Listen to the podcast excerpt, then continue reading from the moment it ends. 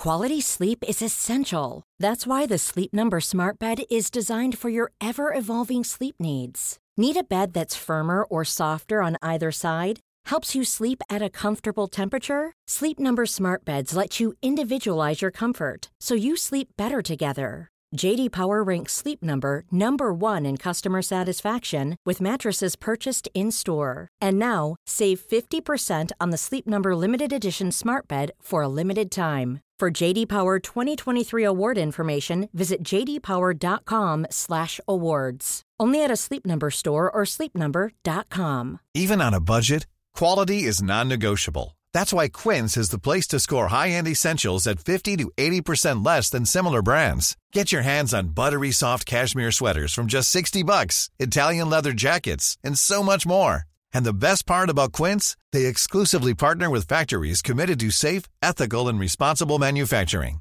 Elevate your style without the elevated price tag with Quince. Go to quince.com slash upgrade for free shipping and 365-day returns. Many of us have those stubborn pounds that seem impossible to lose, no matter how good we eat or how hard we work out. My solution is PlushCare. PlushCare is a leading telehealth provider with doctors who are there for you day and night to partner with you in your weight loss journey. They can prescribe FDA-approved weight loss medications like Wagovi and Zepbound for those who qualify. Plus, they accept most insurance plans. To get started, visit plushcare.com slash weight loss. That's plushcare.com slash weight loss.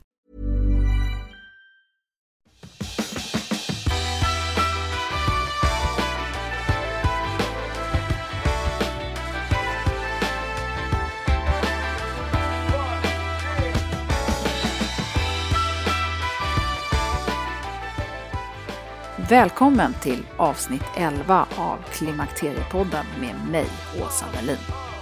I det här avsnittet så träffar jag professor Tord Nässén från Uppsala universitetssjukhus. Han berättar om hur PMS och klimakteriebesvär hänger ihop och hur de påverkar vår hjärna och varför de kan ge upphov till humörsvängningar.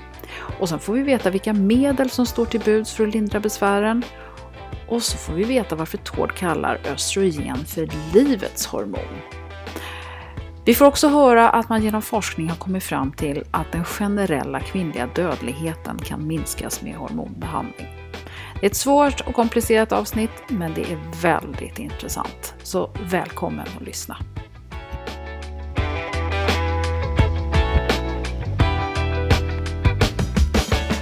Tord Nässén, professor i gynekologi obstetrik vid institutionen för barn och kvinnors hälsa, Akademiska sjukhuset, Universitetssjukhuset i Uppsala. Ja. Välkommen till Klimakteriepodden. Tack, tack. Vad ska vi prata om idag Tord? Ja, det beror på dig mycket. Ja. Men eh, mitt forskningsområde har ju varit mycket hormoner och åldrande effekter. Mm. Eh, effekter både på um, kärlsidan, på um, balans, fraktursidan, humörsidan, Eh, ja, diverse aspekter. Delvis också premenstruella syndrom. Ja. Om vi börjar med den här eh, premenstruella syndromen som jag tycker är intressant, för du har ju också forskat lite grann om hjärnans påverkan med det här. Och då vet jag att du eh, har sagt att det finns en viss koppling mellan PMS och klimakteriebesvär. Eh, Ja, det verkar det absolut.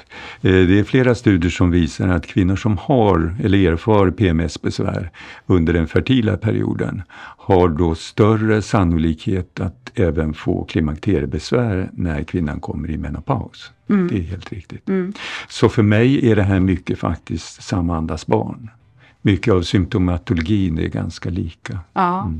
Och, och ser man då också att har man Eh, för, jag vet att en del kvinnor upplever ju att PMS-besvären blir större och större med åren. Att man liksom eh, har ganska okej PMS-besvär, kanske 30-40. Eh, och att det liksom blir värre med åldern. Eh, ja, helt riktigt. Det är nog en eh, observation som har gjorts av flera. Eh, riktigt bakgrunden för det där, det blir väl mer spekulation.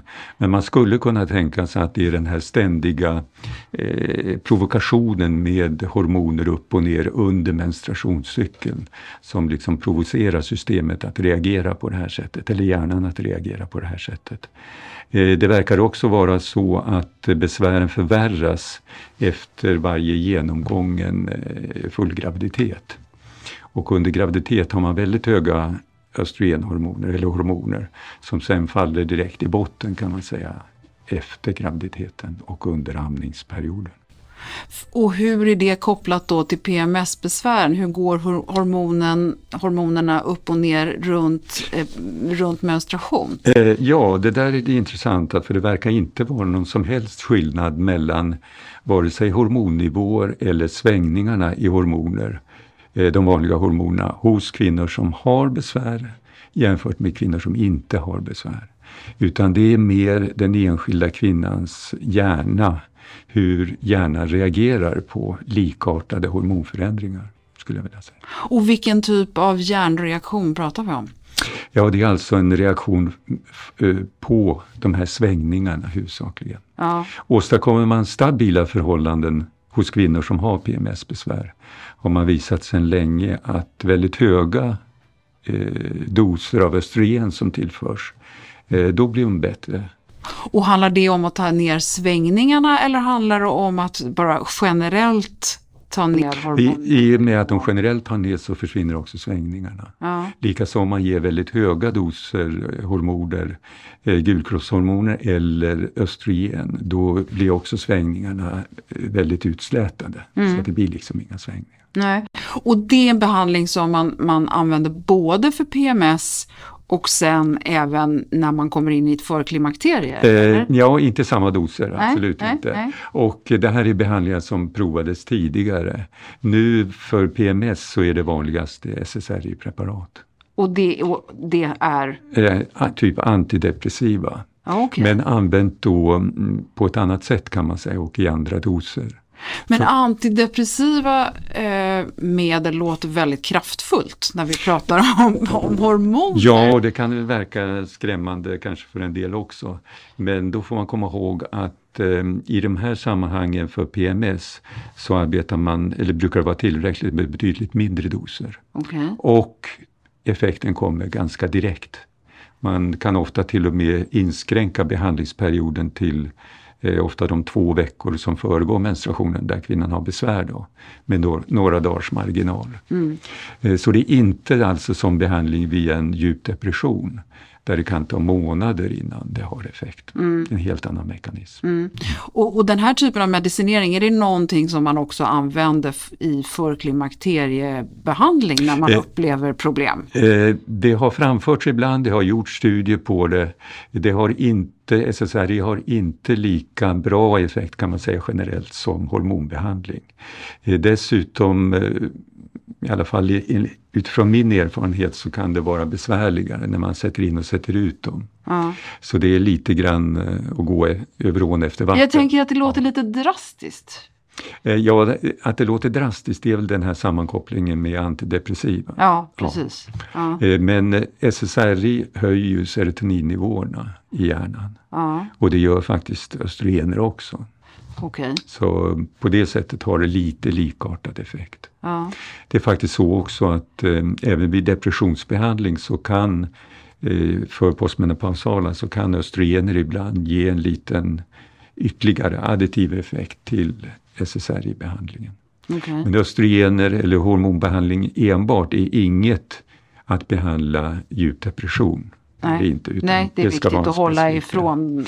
Eh, däremot hålla så brukar det fungera för de mer klassiska humörbesvären i samband med menopaus. Okay. Det vill säga lite sån här depressed mood och håglöshet, man tappar kraft och man blir lätt irriterad och kortare stubin och eh, ja, lite grann PMS-besvär. Ja. Omgivningen kanske får inta helikopterläge i vissa situationer. Ja. Eh, men det brukar i allmänhet bli bättre. Också men, men så, så, så, vad du säger nu är att den här S, du kallar för SSRI, ja. som är en, ett antidepressivt ja. fast en mycket mindre dos som jag uppfattar det rätt, ja. än man använder vid djup depression. Och kortare tid. Kortare tid. Mm. Om man sen då är i ett förklimakterie och precis upplever de här hemska humörsvängningarna, då är det den medicin som går att ge? Eh, man kan prova men jag skulle nog vilja säga att det är både naturligare, bättre dokumenterat Eh, och effektivare att i så fall tänka sig hormonbehandling med östrogen ja. och kombinationen med gestagen.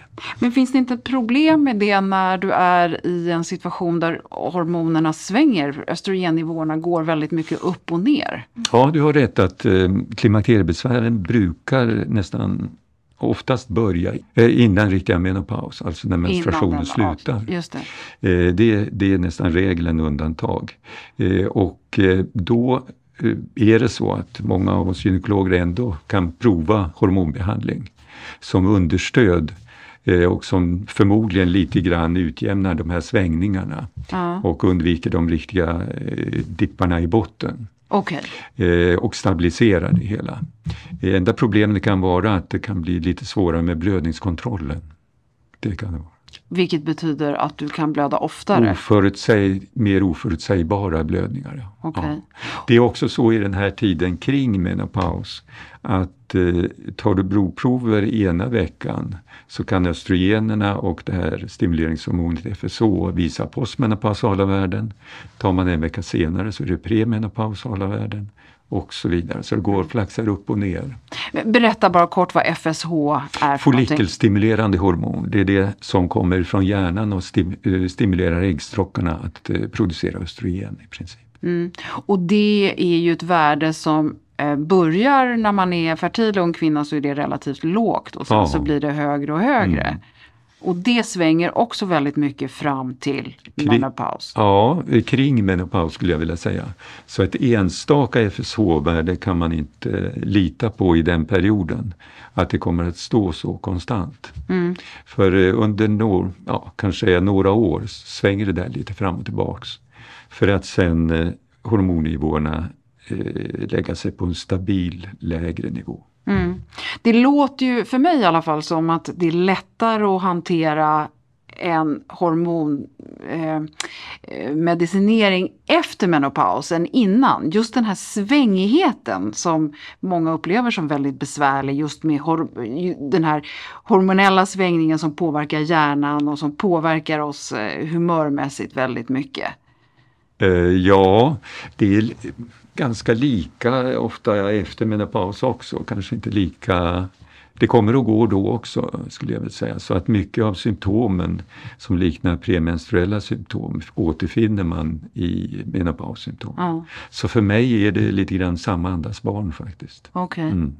Den, den, här, eh, varför beter sig hjärnan så här? Varför blir den argsint och orolig och, och så? Min egen teori är att det är ju faktiskt så, eller man kan säga det är faktiskt så att en del kvinnor upplever inga som helst besvär Nej. i menopaus. Det är bara som att stänga kranen, inga blödningar, mår om möjligt ännu bättre än tidigare. Mm. Och kan inte förstå sina medsystrar som klagar så mycket. Eh, så det är en väldig variation där. Min egen teori är att det möjligen har att göra med den enskilda individens beroendesystem. Men det är helt spekulationer som sagt. Mm. Du... Att det tar olika lång tid att eh, adaptera sig eller vänja sig vid det här tillståndet. Att vänja sig vid ja. lägre generella ja. östrogennivåer. De flesta kvinnor har ju besvär kanske 4, 5, 6 år och sen brukar det tyna av. Men ja. det finns, eller det är kanske 15-20 procent som har det i decennier i princip livet ut. Mm. Och där hormonbehandling också fungerar. Mm. Eh, man blir ju ganska tidigt varse om att eh, det är eh, endorfiner som lite grann saknas också. Att, att vi, vi pratar om den här glädjen, den här, att, att euforin kanske inte är så lätt att uppnå. Och så vet jag att du någon gång sa att man kan vara endorfinist också. Ja, det är väl min egen tolkning ja. på det här med att eh, det är ju faktiskt visat, bland annat från Linköping vad jag förstår, att eh, fysisk aktivitet modererar eller minskar klimakteriebesvären. Och det är ju många som har kommit till den nivå så att de eh, motionerar så pass mycket så att de får den här euforiska känslan som väl till en del eller stor del beror på endorfiner. Mm. Och upplever det här välbefinnandet och, och vill fortsätta då att eh, motionera. Mm. Mm. Jag tycker det är allt för många kvinnor som är alltför rädda, även doktorer faktiskt, för att i de här situationerna där man har eh, klara klimakteriebesvär att prova hormonbehandling. Utan istället får man antidepressiva och sömntabletter. Mm. Vilket eh, jag upplever nog inte som något väldigt attraktivt alternativ. Nej, jag vet att du eh, pratar mycket om östrogen som livets hormon. Ja, jag brukar säga det lite provocerande. Eh, men det har nog faktiskt sin grund också. Eh, vi förstår väl de flesta att det är absolut nödvändigt för ägglossningsmekanismen i äggstockarna hos kvinnan. Mm. Som är en förutsättning då för fortplantningen. Eh, verkar också vara betydelse för utmognaden av spermier hos män. Ja, en annan aspekt på det är ju nivåerna under graviditet. Ja. ja.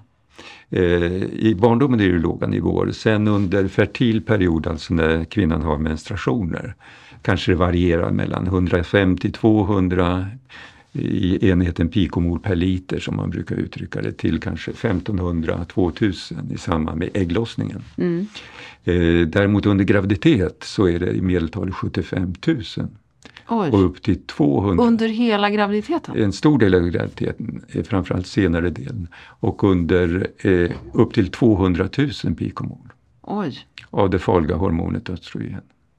nu, nu, nu gör Tord, nu höjer han på ögonbrynen och ler här, alltså farliga hormoner. ja, jag tycker det om något alltså skvallrar om när naturen använder sig av eh, östrogenhormon i de koncentrationerna under den period som är mest kritisk då för vår fortplantning. Mm. Så kan det ju inte handla om något gift. Alltså. Men är det så då att när, när kroppen har bestämt sig för att det är färdigt, vi ska inte föröka oss något mer, då går östrogennivåerna, först svänger de eh, under några år och sen så går de ner till väldigt låga nivåer. Eh, det måste ju finnas något syfte med det, annars hade vi väl haft 200 000 eh, i, i den här enheten hela livet, eller? Ja, du kommer ut på eh, svårare och svårare frågor.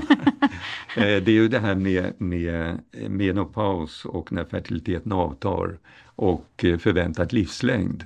Där då eh, hos människor man överlever fertila per perioder med ganska lång tid, alltså en tredjedel ungefär. Mm. Och det har varit olika spekulationer vad, vad det kommer sig av. Eh, det verkar delvis vara det här att eh, det är en fördel för artens överlevnad med mormors support och så.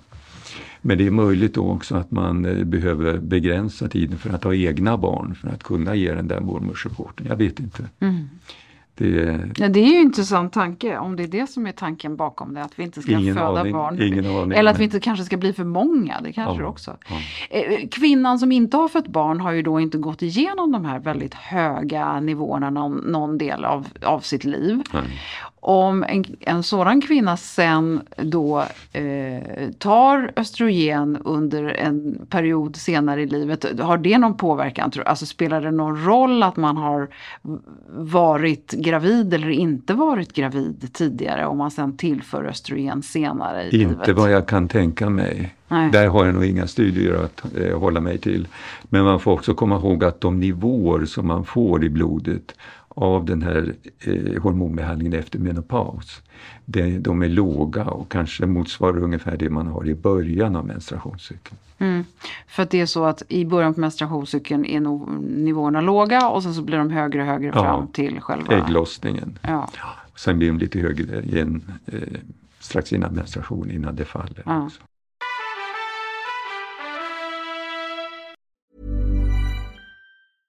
Quality sleep is essential. That's why the Sleep Number Smart Bed is designed for your ever evolving sleep needs. Need a bed that's firmer or softer on either side? Helps you sleep at a comfortable temperature? Sleep Number Smart Beds let you individualize your comfort so you sleep better together. JD Power ranks Sleep Number number 1 in customer satisfaction with mattresses purchased in-store. And now, save 50% on the Sleep Number limited edition Smart Bed for a limited time. For JD Power 2023 award information, visit jdpower.com/awards. Only at a Sleep Number store or sleepnumber.com. Many of us have those stubborn pounds that seem impossible to lose, no matter how good we eat or how hard we work out. My solution is PlushCare. PlushCare is a leading telehealth provider with doctors who are there for you day and night to partner with you in your weight loss journey. They can prescribe FDA-approved weight loss medications like Wagovi and Zepbound for those who qualify. Plus, they accept most insurance plans. To get started, visit plushcare.com slash weight loss. That's plushcare.com slash weight loss. A lot can happen in three years, like a chatbot may be your new best friend. But what won't change? Needing health insurance. United Healthcare Tri Term Medical Plans, underwritten by Golden Rule Insurance Company, offer flexible, budget friendly coverage that lasts nearly three years in some states. Learn more at uh1.com. Det är härligt att klimakteriets tabu äntligen är på väg bort. Vill man försöka klara sig utan hormonbehandling så finns nu många nya kosttillskott som lovar bland annat hormonell balans och som ska stötta brister. Jag vill lyfta min räddare i nöden, Femarel. Det har inte bara varit min utan många andra kvinnors räddning i över 20 år. Och med lång tid på marknaden, med nöjda användare, dessutom med 20 forskningsstudier så vågar jag säga att det kan vara en god idé att prova Femarel. Femarel finns på apoteken och i hälsokostbutiker. Tack Femarel som varit min samarbetspartner i många år.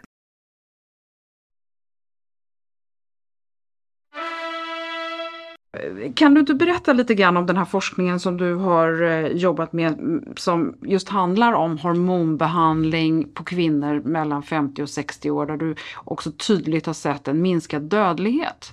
Eh, ja, jag har inte gjort det än. Men däremot finns det, eh, skulle jag vilja säga, väldigt mycket data som tyder på det stora sammanställningsstudier i så kallade metaanalyser av upp till 30 eller fler randomiserade kontrollerade studier där man har lottat till hormonbehandling eller placebo. Jättevälgjorda studier. Eh, det finns ända sedan 2004 sådana sammanställningar. Det har kommit senare också upprepade gånger i så kallade Cochrane-rapporter och eh, även i den så kallade VHI-studien som gav upphov i stort sett till den här utbredda rädslan för hormonerna. Även i VHI-studien så ser man en ungefär 30% reducerad eh, total, eller total dödlighet hos de som får hormonbehandling och börjat hormonbehandlingen någon gång mellan 50 och 60 års ålder jämfört med eh, placebobehandling. Eh, du har nämnt de här VHI-studierna nu och då, då kan vi bara klargöra att det är den här Women's Health Initiative som kom 2002 som även Angelica pratade om och som vi ja. går igenom ganska noga i avsnitt 4b som man kan lyssna på separat. Har det kommit några uppföljningar? Har det kommit något mer? Ja, det, eh, under årens lopp har det kommit väldigt många. Eh, då mer fokuserat på de här åldrarna mellan 50 och 60. Och flertalet av dem visar genomgående positiva effekter. Mm. Dessutom har det nu alldeles nyligen eh, i år faktiskt eh, nu på höstkanten kommit en 18 års uppföljning mm. av VHI-studien. Mm. Eh, och i den eh, ser man också att eh, det är idel positiva effekter under den period där de behandlades då mellan 50 och 60 års ålder.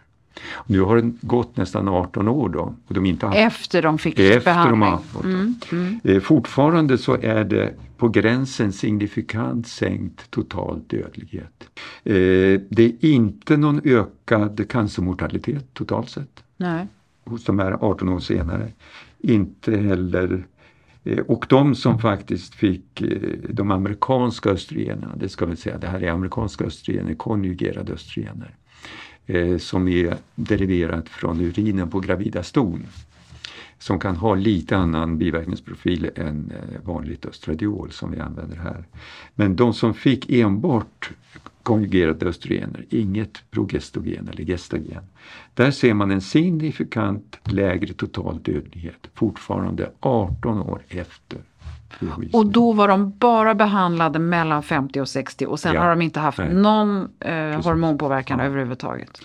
Eh, dessutom, som är mycket intressant, eh, det är där man såg att risken för död korrelerad till Alzheimer och demens var signifikant lägre hos de som hade fått eh, östrogener mellan 50 och 60 års ålder, konjugerade östrogen. Mm. Och det är superintressant alltså. Eh, jag vet nog inget invärtesmedicinskt eller annat preparat som på en frisk grupp kvinnor, det här är ju friska kvinnor, Mm. kan åstadkomma de effekterna. Och, och de effekterna, vad är det för dödlighet som vi ser avsevärt minska genom eh, med Ja, östrogentillförsel? det här, de här procenttalen, 40% och 30 procent, är all cause. Men en stor del av det där är eh, nog hjärt-kärlminskningen. Men det låter ju helt galet att om kvinnor tar östrogen eh, mellan 50 och 60 Mm. så har du upp till 40 procents mindre chans att dö och inte alla gör det. Var, var, det låter så konstigt för mig, jag förstår inte. Ja, för mig också. Ja. Eh, och det är flera anledningar till det. Eh, eh, som jag, det är spekulationer också, men media är inte intresserade av sådana saker. Jag har försökt få ut det, men det säger Men, men det kan ju inte bara vara medias fel, det måste ju också vara gynekologerna som, de flesta kvinnor går ju faktiskt till en gynekolog då och då. Ja. Och, och, och får de fel budskap från gynekologerna? Eh, Ja, sen beror det på vad gynekologerna har för eh, information. Ja. Om man har tagit så åt sig. Men har man inte som gynekolog en skyldighet att vara uppdaterad med korrekt information? Eh, jo, trots allt så är nog de här... Eh, det blev ett enormt mediabrus efter VHI-studien 2002. Och alla myndigheter gick åt det hållet att eh, det blev en utbredd rädsla för, för hormoner. Och det var nog svårt även för de flesta gynekologer då att eh, tänka annorlunda. Och det här sitter kvar? Trots Det sitter kvar men det börjar komma nu så organisationer som North American Menopause Society, International Menopause Society och så vidare, där det är gynekologer, har ändrat sig så de är betydligt mer för hor- hormonbehandling. Och hur ser det ut för de som utbildas idag i Sverige? Eh, ja, jag kan ju bara tala för det här området och eh, där föreläser jag om menopaus. Så jag brukar säga ungefär som jag tycker. Det vill säga förskriv eh, Ja, säger- hormoner till de som behöver. De som behöver, ja, kan man göra det så vore mycket vunnet. För det är nog idag allt för många kvinnor som av rädsla för hormoner inte vågar prova hormoner. Eh, ofta kommer effekten inom några dagar. Och eh, i alla fall inom eh, 10-14 dagar. Har man ingen effekt efter två, tre veckor då fungerar nog inte hormonerna. Eller så har det inte tagits upp i kroppen. Det kan vara så till exempel att tarmupptaget är försämrat. Inflammatoriska tarmsjukdomar alltså. så. Så det kan man avslöja då med att ta ett blodprov och se hur mycket östrogenet ligger på. Ser man att det inte kommer till förväntad nivå så kan man till exempel eh, prova med plåster istället då. Som är oberoende av tarmen. Mm. Eh, jag tänker på eh, du, du har talat om eh, också att kroppen verkar eh, till skillnad från många andra saker så är det så att kroppen verkar bli mer och mer känslig för östrogen med åren. Alltså att man kan sänka dosen. Mm. Ja, det är väl ett eh, kliniskt och forskningsmässigt intryck jag har. Det återstår väl att eh, mer eh, eh bevisa. Jag har sett sedan länge, det är snart 20 år sedan, att så kallad lokal behandling, alltså med vagitorier eller dylikt, eh, verkar ha klara systemeffekter, alltså generella effekter. Eh, Jag fick idén genom att eh, man hörde ibland kvinnor som fick lokal behandling att de sa nej Alltså nu pratar vi om lokal eh, Vaginal behandling. i, i, vagina. i slidan. Ja, precis. För Ja. är primärt tänkt att påverka slemhinnorna. Ja. Men en del sa att de kände av det där, det blev bröstspänningar så de ville inte ha det och så vidare. Så då förstod man att det inte enbart är lokala effekter. Så vi började titta på, då gjorde vi studier, ettårsstudier på effekterna på benmarkörer, alltså blodprover som visade benomsättningen. Och mätte En ben, benomsättning var ju det. ja, skelettomsättning. Ja, okej. Ja, och sen mätte benmassan också. Mm. Och det, de här låga doserna i de studierna var positiva både för eh, de här benmassemarkörerna och för ökad benmassa. Mm. Sen tittade vi också på blodfetterna och de påverkas också positivt. Mm. Och, och, och nu pratar vi fortfarande om det lokala. Lokala, Ja. som inte höjer blodnivåerna utanför de normala nivåerna för postmenopausala kvinnor kan man säga. Medeltrycket är, ligger väl inom det normala området. Mm. Så det vore det återstår också att visa, men det är en av linjerna vi har. Eh, det vore fantastiskt om en sån här behandling hos äldre alltså eh, skulle kunna ha positiva systemeffekter. Mm. Eh, och intrycket är som sagt, som du var inne på från början, att känsligheten för östrogen verkar öka med avståndet från menopaus. Så att man kan ofta sänka doserna eh, även vid den generella behandlingen och ändå ha positiva effekter. Ja. Eh, men, men det som jag bara vill få klart för mig nu är att man har ju hela tiden sagt att man ska inte ha systembehandling, det vill säga plåster eller ta, ta det, tabletter under allt för lång tid för då, då, då kommer ju risken för bröstcancer är väl den som så att säga först poppar upp då som, som risk medan det lokala östrogenet det kan man ta hur länge som helst. Men nu låter det ju som att man faktiskt har systemeffekter även på det lokala. Ja, jag misstänker det. Det återstår väl att visa mer. Vi tittar bland annat på kärl eh, kärlåldrande i det här avseendet men det har vi inga resultat ännu. Nej, okay. eh, annars det här med längden av hormonbehandling har ju länge varit att eh, i princip kortast möjliga tid mm. och sluta så fort som möjligt. Där har också de här organisationerna som North American Menopause Society börjat ändra sig nu. Mm. Och skriver i sista utsagan att det may be also harmful, alltså kanske skadligt att sluta hos vissa individer. Mm. Så att eh, jag tror man kan ha en lite mer flexibel eh, syn på det här utifrån behoven. Likaså det här att eh, behandla efter 60 års ålder om det behövs så sanktioneras det nu också av North American. Och som sagt det är många som har klimakteriebesvär längre än 60 år. Mm. Mm. Det är en sak att börja hormonbehandling när man är 70-75 för första gången mm. med de här doserna. Mm. Än att ha en hormonbehandling som påbörjades då vid 50-52 års ålder och som sen har fortsatt hela tiden. Mm, och då kanske som har minskat lite grann i dos. I dos. Ja. Ja, ja. Det, då tror jag eh, riskprofil blir en helt annan och de positiva effekterna eh, överväger förmodligen. Mm. Det, det verkar ju också så faktiskt att eh, om man tittar på de reella resultaten i de här stora sammanställningsstudierna så är det faktiskt mycket som talar för att hormonbehandling har en primärpreventiv effekt på hjärt-kärlsjukdomar. Primär Primärpreventiv betyder att behandlingen av eh, personer som inte har fått sjukdomen än, ännu, va? inte har fått sin hjärtinfarkt och så vidare. Att det har en skyddseffekt där. Alltså det är otroligt komplext. Eh, det är medges, väldigt... Medges. och det är väldigt, väldigt svårt att eh, göra det här begripligt. Du var inne på en ännu svårare eh, diskussion faktiskt. Mm. Så det är lite utmanande att ta upp den själv. Men det här med bröstcancer. Mm.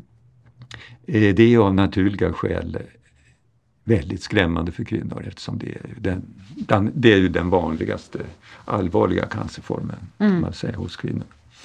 Eh, och eh, flera studier, metaanalyser visar, liksom även på 90-talet, eh, visar att det är en ökning efter ett visst antal år med hormoner av upptäckten av, av bröstcancer. Men den kommer i de här eh, sammanhangen så kommer den här ökningen så pass tidigt, alltså det är 3, 4, 5 år. Eh, så det kan näppeligen inte ha att göra med att från början orsaka bröstcancer.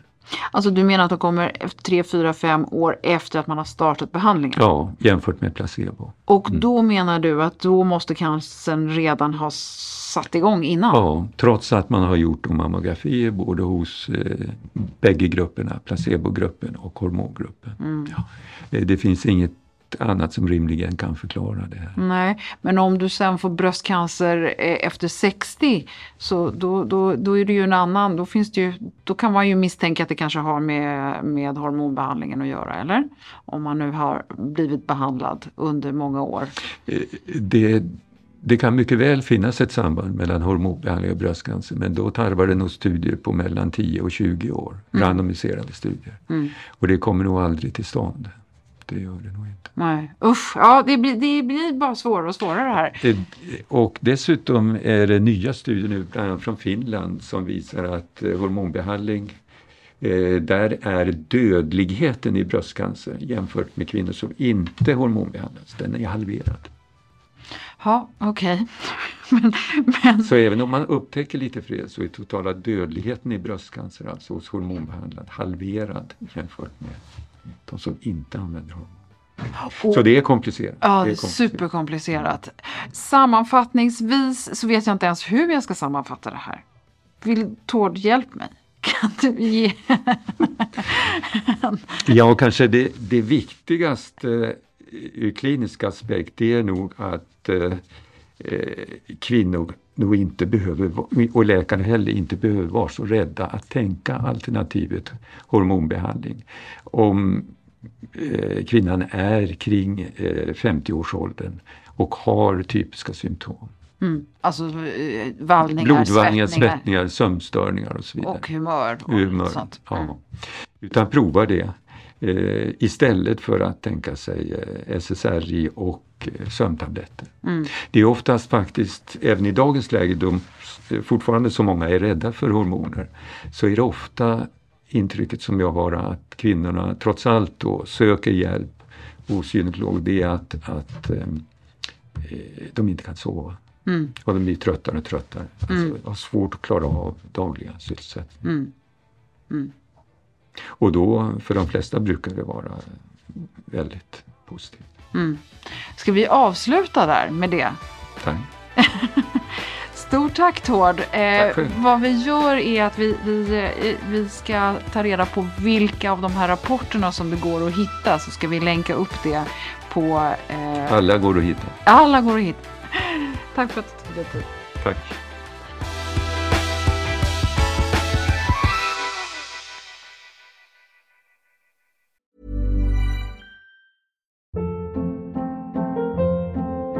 Hold up. What was that? Boring. No flavor. That was as bad as those leftovers you ate all week. Kiki Palmer here, and it's time to say hello to something fresh and guilt-free. Hello Fresh. Jazz up dinner with pecan-crusted chicken or garlic butter shrimp scampi. Now that's music to my mouth. Hello Fresh. Let's get this dinner party started. Discover all the delicious possibilities at hellofresh.com.